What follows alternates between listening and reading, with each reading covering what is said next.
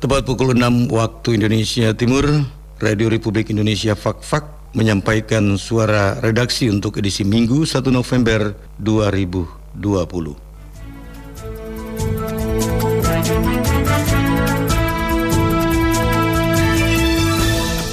Radio Republik Indonesia Fak-Fak dengan suara redaksi.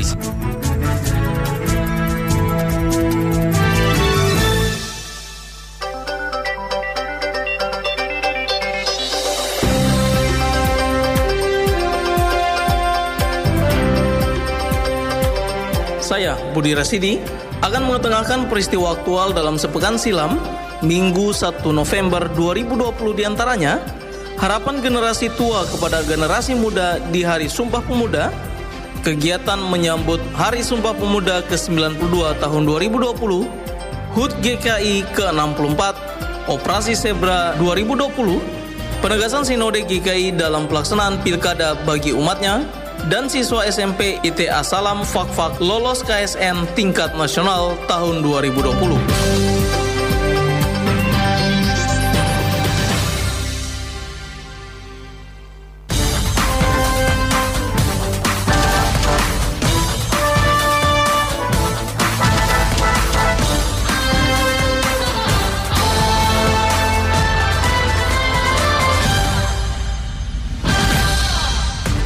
Generasi muda merupakan harapan untuk menggantikan mereka yang sudah tua. Sudah sepentasnya generasi muda harus siap melanjutkan bahkan mengembangkan apa yang sudah dilakukan oleh orang sebelumnya dan hal ini akan terus berjalan sesuai dengan perkembangan zaman dan menjadi pengaruh besar dalam perkembangan sebuah bangsa dan negara ke depan. Terkait hal ini, Ali Hindom, salah seorang tokoh masyarakat di daerah ini mengungkapkan memperingati momentum Hari Sumpah Pemuda, generasi muda Fakfak dituntut untuk ikut ambil bagian dalam program pembangunan di daerah ini. Menurutnya, seiring perkembangan zaman dan teknologi, maka semangat persatuan dan kesatuan harus tetap dijaga dalam diri generasi muda. Pesan kepada anak muda sekarang ya. untuk uh, jangan mudah terprovokasi dengan berbagai isu-isu provokatif. Pertama kita lihat situasi bangsa dan negara kita ini ya mereka harus uh, bahwa negara ini harus tetap ada, tetap utuh, tetap berwilayah dari Sabang sampai Merauke. Negara ini tetap negara kesatuan Republik Indonesia berdasarkan Pancasila yang dilakukan oleh Panitia Persiapan kemerdekaan Indonesia 18 Agustus 1945 dan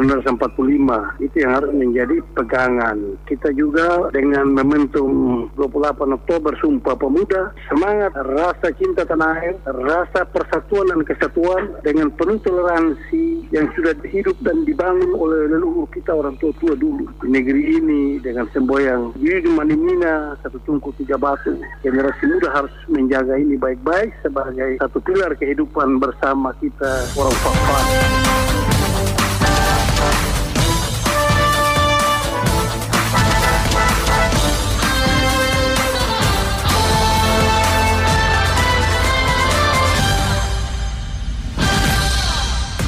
Hari bersejarah bagi insan pemuda di seluruh wilayah Indonesia termasuk di Kabupaten Fakfak di mana diperingati Hari Sumpah Pemuda yang ke-92 tahun 2020. Untuk menyemarakan Hari Sumpah Pemuda tahun 2020, di Fakfak telah berlangsung beberapa agenda dan kegiatan yang dipusatkan di Distrik Tomage. Wakil Ketua Bidang Informasi dan Komunikasi DPD KNPI Kabupaten Fakfak, Immanuel David Hindo mengatakan ada beberapa jenis kegiatan yang telah dilakukan oleh DPD KNPI Kabupaten Fakfak, di antaranya refleksi kepemudaan khusus bagi Karang Taruna dan KNPI tingkat distrik, pelatihan dan seminar tentang stunting ibu dan anak, pentingnya pendidikan seks usia dini, kegiatan agrowisata, dan beberapa kegiatan lainnya kita lakukan itu pertama kita mengadakan refleksi kepemudaan ya khusus bagi Karang Taruna dan juga KMP Distrik yang kita undang yaitu KMP Distrik Pemerintah dan KMP Distrik Tomage selanjutnya itu kan dua hari ya jadi hmm. paginya itu kita adakan kegiatan pelatihan atau seminar tentang stunting ibu dan anak kemudian kita adakan juga kegiatan tentang pendidikan seks usia dini dan yang keempat itu kita adakan kegiatan kunjungan atau yang namanya kita agrowisata seperti itu. Jadi kita mengunjungi sebuah lahan pertanian yang ada di, di distrik atau Mage lebih tepatnya di Kampung Bima Jaya dan Wamar seperti itu. Jadi tujuan kegiatan ini bagaimana kita memperkenalkan atau mensosialisasikan terkait persoalan stunting, kemudian apa itu stunting untuk diketahui lebih lanjut khususnya itu bagi para pelajar.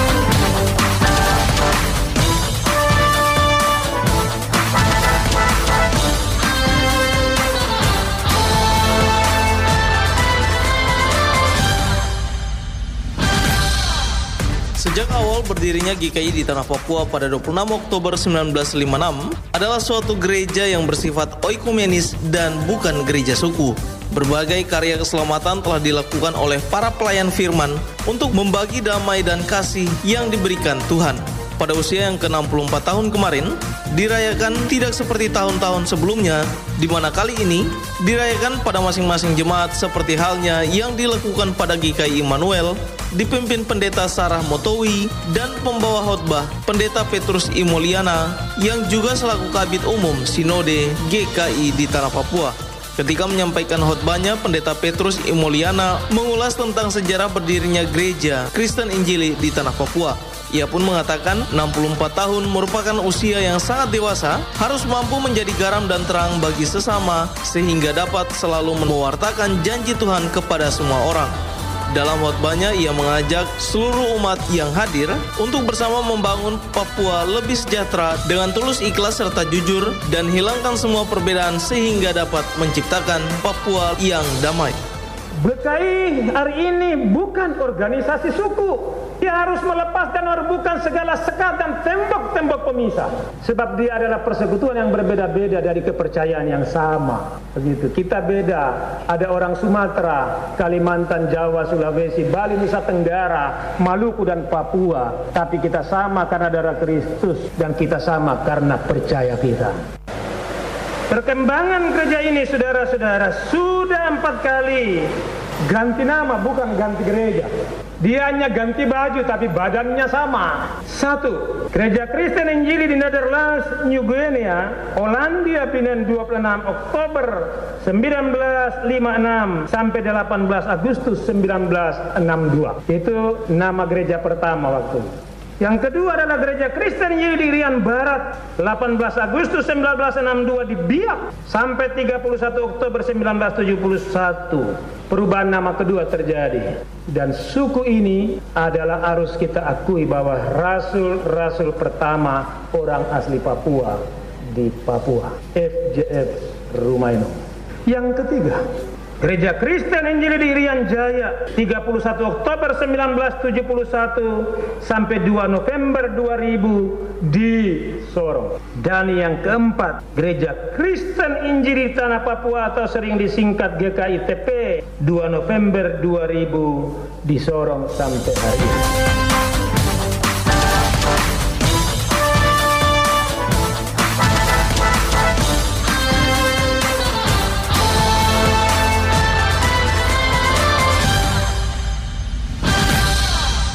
Saudara, sejak 26 Oktober lalu hingga 8 November 2020 mendatang, Satlantas Polres Fakfak melaksanakan operasi Zebra tahun 2020. Operasi yang dilaksanakan ini guna meningkatkan kesadaran masyarakat agar tertib berlalu lintas. Kasatlantas Polres Fakfak Ibda Rio Guntur Triatmoko dikonfirmasi mengenai hal tersebut mengungkapkan, sejak digelar operasi ini pelanggaran yang masih mendominasi adalah pengendara roda dua yang tidak menggunakan helm serta pengendara di bawah umur. Ditambahkan sesuai perintah Dirlantas Polda Papua Papua Barat, maka tiga pelanggaran utama yang akan ditindak yaitu pengendara roda dua yang tidak menggunakan helm, pengendara dipengaruhi minuman keras, serta anak di bawah umur. Untuk kegiatan operasi Zebra Mansinam 2020 ini berlangsung terhitung kemarin pada tanggal 26 Oktober 2020 sampai tanggal 8 November 2020. Kegiatan ini menyasar kepada masyarakat khususnya untuk mewujudkan Kamsel Tipcak Lantas khususnya di Kabupaten Fakfak ya. Selain itu juga karena COVID ini belum berakhir, salah satu tujuannya adalah untuk memutus mata rantai penyebaran COVID-19 dengan kita upaya-upaya preemptif dan preventif kepada masyarakat dengan mengingatkan untuk memakai masker masker dan menjaga jarak.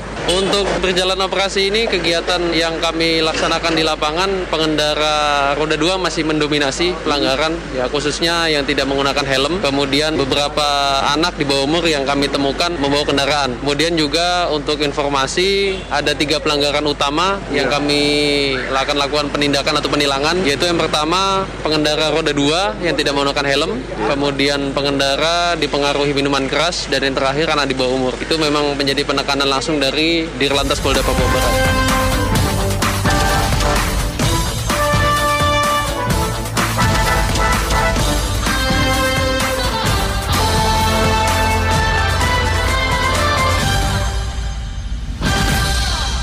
Pelaksanaan pemilu kada Kabupaten Fakfak tahun 2020 sudah semakin dekat. Proses tahapannya pun kini telah berjalan dan berada pada tahapan kampanye oleh masing-masing pasangan calon.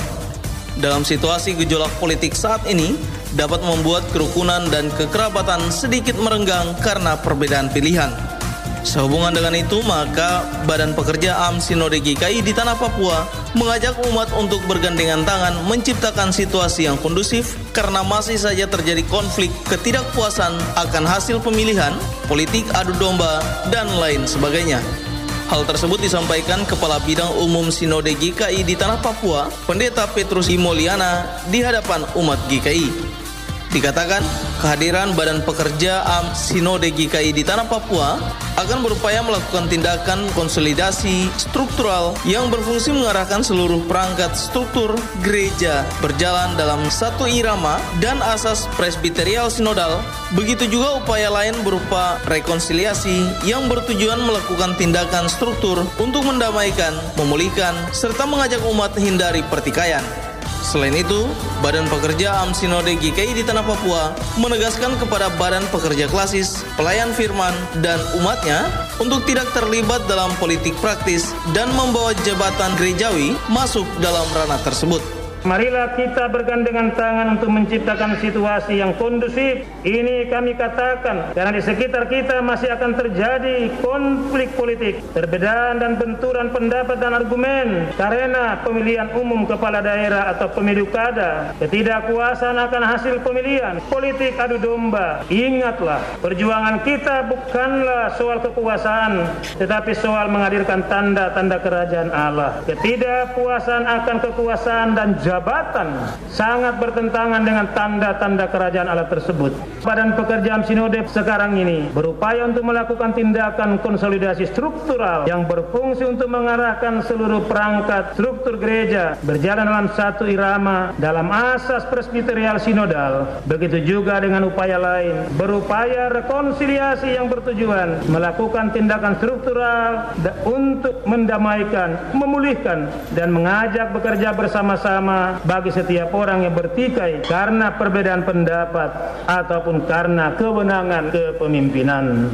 Junjung tinggi sportivitas imanmu dalam menghadapi pemilu kada, pesta demokrasi kepada badan pekerja klasis, bakal klasis dan para pelayan firman untuk tidak terlibat dalam politik praktis dan tidak membawa jabatan gerejawi masuk ke ranah politik itu, tidak melakukan dan mengucapkan statement-statement yang memecah belah kehidupan masyarakat secara bersama.